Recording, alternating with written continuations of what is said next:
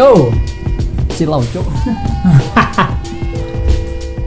Ya ya, wis wis wis. Tadi kan ini. Ya, balik mana neng? Jogja Dap, podcast eh, Jogja Dap. Jogja Dap ya. Ya, piye kabar kabar ya KP? Eh, ya apa semoga sampai detik-detik darah penghabisan kita berdua, Iya, Anda masih tetap tabah dan senantiasa setia. penting sehat-sehat. Tahes tahes yo. Ah siapa? Tahes sehat sehat cuk. ngalam bahasa ngalam. Ya, eh iki karena tadi kita menanyakan kabar sehat-sehat. Memang sehat itu menjadi sesuatu yang penting eh, Dan hari-hari mahal. ini. Mahal hari-hari ini. Karena situasi sedang tidak baik-baik saja Mm-mm. gitu di luar sana. Mau kamu percaya atau tidak? Pokoknya termasuk wong sing piye. Mohon maaf, saya percaya. Ag- agnostik percaya, beriman Saya beriman kepada beriman eh, kepada Covid. mm, Covid bahwa Covid ini buatan manusia. Bangsat. Yo, yo. Mm, Mau bilang buatan Gusti Allah, kita nggak pernah bu- bisa buktikan. Iya. Ya udah buatan manusia aja. Ya ya ya. Pokoknya itu itu uh, pembahasan panjang Covid ini kayak kayak agama pernah kita bahas di uh, video ngobrol gue yang YouTube awak TV. No, no, uh, Covid itu bagaikan agama. Weh, pembahasannya yang menarik sekali. Hmm. Buat orang yang percaya, yang beriman pada Covid atau yang tidak beriman, gitu kan? Apakah dia agnostik terhadap Covid atau bahkan ateis terhadap Covid? Oh no, eh, pembahasannya. Nah, memang hari-hari ini sedang tidak eh, baik-baik saja. Yogyakarta apalagi yo. Iya, iya. Eh, wingi nah niki kan Sultan Arab melockdown ya. Iya, iya. Ono wacana Sultan ki arep lockdown Yogyakarta. Rencana. Rencanane. Tapi ternyata tidak jadi. Eh mergone alasannya Sultan ya ora salah, ora kuat nek geragati. Hmm, kira-kira apa kira-kira? Geragati ki apa ya? Aku bingung nek. Biayai, bayari. Itu itu itu itu kuwi Eh, lebih Memberi kayak makan. lebih kayak nggak tega gitu. Oh, ngono. Nggak tega bahwa rakyat eh, nggak bisa melakukan aktivitas Kalau di lockdown. ekonomi kayak gitu. Kalau di lockdown gitu. Eh, ada akhir akhirnya banyak yang memuji eh, keputusan Sultan, ada juga yang eh, tidak sepakat dengan keputusan Sultan. Ya pro kontra ono lah, ya kan. Tapi yang paling penting kita nggak sedang membahas eh, kita tidak mau membahas masalah kebijakan Sultan neng episode ini. Tapi neng episode ini awak dhewe ingin membahas situasi, kondisi Yogyakarta di- Hari ini? Hari ini. Per tanggal Iki tanggal piro, Cuk? 27 Tanggal minggu. 27 Juni. Mm-mm. Ya. Sejak setahun setengah yang lalu ya. Mm-mm. Aw- Aku pernah pernah mention kondisi Yogyakarta ya kan eh, di ketika di Juni 2020 tuh seperti apa kondisinya. Ya. Di mana orang-orang tidak ada lockdown, Yogyakarta tidak ada lockdown sama sekali, tapi orang-orang mengasingkan diri saat itu. Yang membuat Jogja tuh edan, sepine lebih lebih daripada lebaran. Idul Fitri ya. Iya, lebih-lebih daripada Idul Fitri eh, di Jogja gitu. Sepinya luar biasa. Nah, hari ini kondisinya masih normal. Aktivitas semua orang normal. Mm. Cuman kasus eh, apa eh, suspek te- terus eh, naik. gitu. Naik terus. Kemarin tanggal 26 untuk eh, selama pandemi ada di muka bumi Indonesia, Nah, 26 Juni kemarin kita dapat rekor baru lagi. 21.000 ribu saya Indonesia ya. saya Indonesia dan itu tertinggi sepanjang kita mengalami pandemi di Indonesia per satu tahun setengah ini Hmm. dan ya kita nggak pernah turun sama sekali kemarin setelah vaksinasi sedikit turun Hmm. terus ya sudah Kayak kayak vaksin. wis Piye rasanya?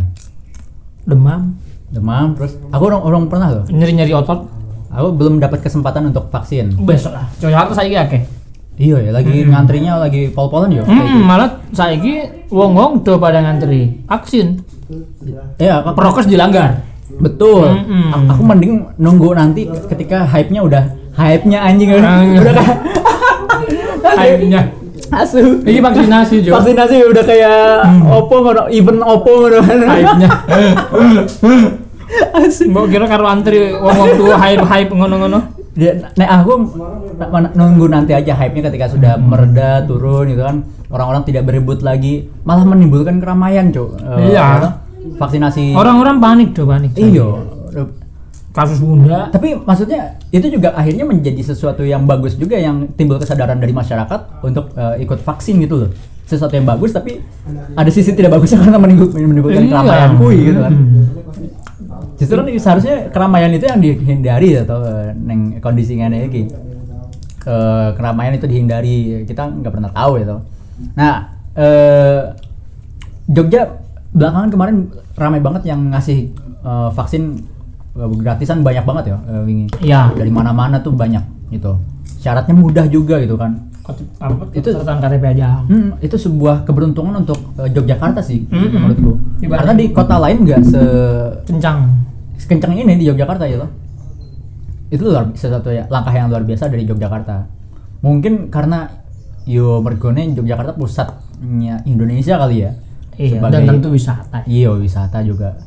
Itu sih mungkin yang jadi dilema kenapa akhirnya vaksinasi sangat digencarkan di Yogyakarta karena kita ber- bertumbuh pada wisata itu. Mm, dilema Ekonomi dilema ekonominya Yogyakarta kan wisata. Iya, gitu. Wisata dan dan tentunya mahasiswa dan pelajar. Mm-mm. Pendapatan dari mahasiswa kan sekarang tidak ada nih. Iya, mahasiswa eh, ham- masih lebih daripada setengah mahasiswa masih di kampung. Hmm. Entah mahasiswa lama yang juga memutuskan pulang dan maba yang mestinya datang tapi belum datang. Nah, gitu. Dan ya dilema etiknya ya itu. Kita ingin dapat Sultan tetap ingin menggerakkan ekonomi rakyatnya, hmm. tapi berisiko penyebaran virus yang Ya, kemungkinan tidak turun. ya, ya. Mending seperti dulu. Menurut saya, sependek saya mengamati kebijakan Sultan kan, Sultan tidak pernah menggunakan istilah lockdown. Orang. Dia paling jauh pakai istilah PPKM dong. Pembatasan skala kecil itu. Oh, ya, ya. Nah, itu dan ya kalau lockdown kan oh memang murni kita mungkin nggak nggak bisa lihat orang di jalan-jalan gitu. Iya, betul. PPKM ya standar, tapi bagi saya ya hari ini bagi saya bu- bukan cuma masyarakat yang lelah man. Nakes-nakes itu hari-hari ini kan yang ruuh tumbang itu kan nakes-nakes. Tapi pas kesehatan kue, kue jadi asisten tenaga nakes, Mm-mm. waktu itu kondisi tidak secrowded sekarang. ya? Iyalah. mm-mm. Hari ini kan tentu ketika Justru malah pas pas pas lagi turun-turunnya itu, pas kue jadi uh, Nah, itu kan pas nenek-neneknya. Oh, pas Maret, pas- pas- pas April itu kan itu kan masih baru-baru tuh. Itu Baru-baru langsung banget. tinggi. tuh, ah, Meledak gitu sampai Agustus 4 bulan saya di situ. Itu tetap naik sebetulnya, tapi perlahan tipis. hmm, hmm, hmm. Kalau hari ini kita lihat konteksnya kan sejauh berbeda. Varian makin banyak, Ya. Orang sudah mulai semuanya kelelahan, masyarakat, nakes, dokter, semuanya lah tenaga Iya. laborat. kelelahan tuh dalam artian untuk masalah kelelahan apa ya eh fisik ngono loh tapi lelah juga dengan "Ih, kapan kita rampungnya gitu kan Hmm, karena orang mempunyai kebutuhan yang berbeda-beda setiap orang kan hmm. Eh, maksudnya ada yang lelah dengan kondisi ini karena ter- ke- kehimpitan ekonomi gitu kan dia harus eh, mau nggak mau harus eh, turun ke jalan harus datang ke keramaian untuk eh, menopang ekonominya dan macam-macam dan kondisi kelelahan yang hari ini yang terjadi bukan hanya kelelahan fisik tapi kelelahan mental ya kan? Hmm, hmm, hmm. yang terjadi itu yang itu yang paling apa eh, Banyak diidap ya. Iya ya, kelelahan mental. Anjay, makanya hari ini tackling kesehatan mental itu eh, lagi banyak seminar-seminarnya ya. Iya iya iya. Aku lihat di podcast, di YouTube ya, Iya. di mana pun ya itu kesehatan mental. Self love itu lagi naik tagarnya saya Iya, hari-hari ini dan memang itu itu itu itu butuh banget gitu di tengah pandemi yang ya hari ini orang tidak mungkin lagi berpikir memusnahkan Hmm. virusnya ya. Eh kan gue tau wis tau neng eh, jadi jadi volunteer neng rumah sakit. Hmm. Apa rana panggilan mana neng belakang ini? Ini kita golek-golek bisa lagi. Maksudku kasusnya kan bunda. Iya iya, maksudnya Terus mesti ini kan butuh anu ah tenaga volunteer toh? Ah, ah, ono tapi saiki sing akeh nakes-nakes. Jadi Ah. sing ono apa STR STR ngono loh. Ah. Jadi apa namanya perawat-perawat yang lagi dicari yang memang untuk diperbantukan di isolasi. Sarjito ini ono meninggal toh. Terus Apa nih? Nakes deh? Nakes si perawat siji. Terus Hmm. koncoku ono sing daftar waktu eh, eh, Dari Sarjito volunteer? Buka apa tambahan tenaga kesehatan perawat untuk ruang isolasi Covid. Wakil banget soalnya. Ah. Terus nek saiki konco-konco neng Yogyakarta muter neng rumah sakit rumah sakit. Eh, akhir-akhir ini dekat-dekat tanggal 27 wingi aku neng Bethesda full. Hmm. Eh RSUGM full. Hmm. Apa mana? Eh PKU Muhammadiyah Kota full. Bahkan PKU Muhammadiyah Kota IGD-nya sempat gak ada yang pasien. Hampir 12 jam. IGD IGD. Nggak ada yang tanganin. tidak menerima orang IGD. Oh. Bayangkan IGD kan mesti tempatnya orang lalu lalang. Iya iya. tempatnya apa namanya unit gawat darurat itu berada. Iya, iya. Lah ini tutup. mergo saking fullnya mergo semua tenaga kesehatan fokus Mm-mm, selain itu kan artinya memang tetap butuh rasio-rasio kira-kira di UGD berapa perawat ini estimasi orang juga berapa di Yoi. di ruang isolasi covid yang dimiliki rumah sakit itu itu kan perlu dihitung kan? Perputaran orangnya yang juga jangan sampai 8, jam satu nakes. Ber, bisa teler dia 8 jam sehari. Dulu saya juga ikut ikut part time seperti perawat dan dokter juga waktunya dipotong. Karena apa? Kita sehari itu tetap butuh istirahat lah sehingga nggak mungkin satu perawat atau dokter itu 8 jam. Sehingga apa? Ya nggak mungkin full time seperti umumnya. Jadi misalnya cuma 6 jam itu sehari. Dan dikasih libur. Kalau tidak mati kita. Hanya gara-gara orang awalnya lelah. Iya iya virus ini datang combo sekaligus kan. Karena aku rasa di banyak problem penyebab utama kan sebelum semuanya masuk kan ya paling entah kelelahannya kan. Apalagi istilah-istilah komorbid atau penyakit bawaan yang memang dia sudah punya kemudian potensinya ditambah potensi kecil dari luar potensi yang awalnya sudah ada di situ memantik yang di dalam itu. Makin parah. Nah aku rasa apa namanya yang terjadi akhir-akhir ini tuh ya ketika orang-orang itu memang punya potensi di dalam ketemu apa namanya em, pemantik kecil yang namanya virus covid ini. Karena beberapa orang kan menurutku tubuhnya orang beda-beda gitu. Saya bilang ada yang bisa melawan virus ini ada yang tidak bisa melawan virus ini. Dengan modal imunitas tubuhnya kan. Aku punya temen apa bar vaksin kedua kena. Hmm. vaksin kedua ini. Vaksin kedua. Kena loh udah vaksin bukan jaminan Enggak, bebas ya enggak. ingat loh itu vaksin memang bukan obat kan pikirnya iya. Heeh. sehingga apa namanya vaksin hanyalah satu apa ya sistem kesadaran baru untuk kemudian lebih apa virusnya gitu loh. Ya. oh virusnya ini ya udah. Tubuh mengenali. Mm-mm, dan dia di dan dia di apa namanya dan dia kemudian diterima baik-baik dan tapi tidak destruktif. Ya ya karena sudah punya teman dalam tanda kutip. Karena vaksin itu kan sebetulnya ada juga semacam rekayasa virusnya covid sebetulnya. Nah ditanam gitu dikenalin nih ini nih covidnya nih. Kata vaksinnya kan oh gitu ya udah. Sudah semacam menghafal. Jadi kita udah kayak kena covid juga tapi sudah punya imunitas tersendiri karena sudah dihafal. Sehingga memang aku rasa di masa depan ya kita akan berdampingan dengan covid ini tentu saja ya seperti halnya flu ya flu dan seterusnya kan Oh, cuma salah gue, flu gue biar pandemi tuh. Hmm, iya. Flu biasa hari ini, dulunya ya pandemi. Ah, iya. Dikiranya flu biasa hari ini itu bukan pandemi dulunya. Hmm, jangan-jangan mungkin jangan juga cacar gitu Iya, gitu kan. cacar juga kan. Ya dulunya pandemi, dulunya ya eh, penyakit eh, yang luar biasa gitu. Ah, iya sampar Hmm. Sampar mah novelnya sampai kamu ya lepes itu sampar dan baca sampar hari ini seperti lihat pandemi hari ini baca, Hmm. baca bukunya Albert Camus yang judulnya sampar itu As. terjemahan dari bahasa Pronce ah. lepes ya Nah.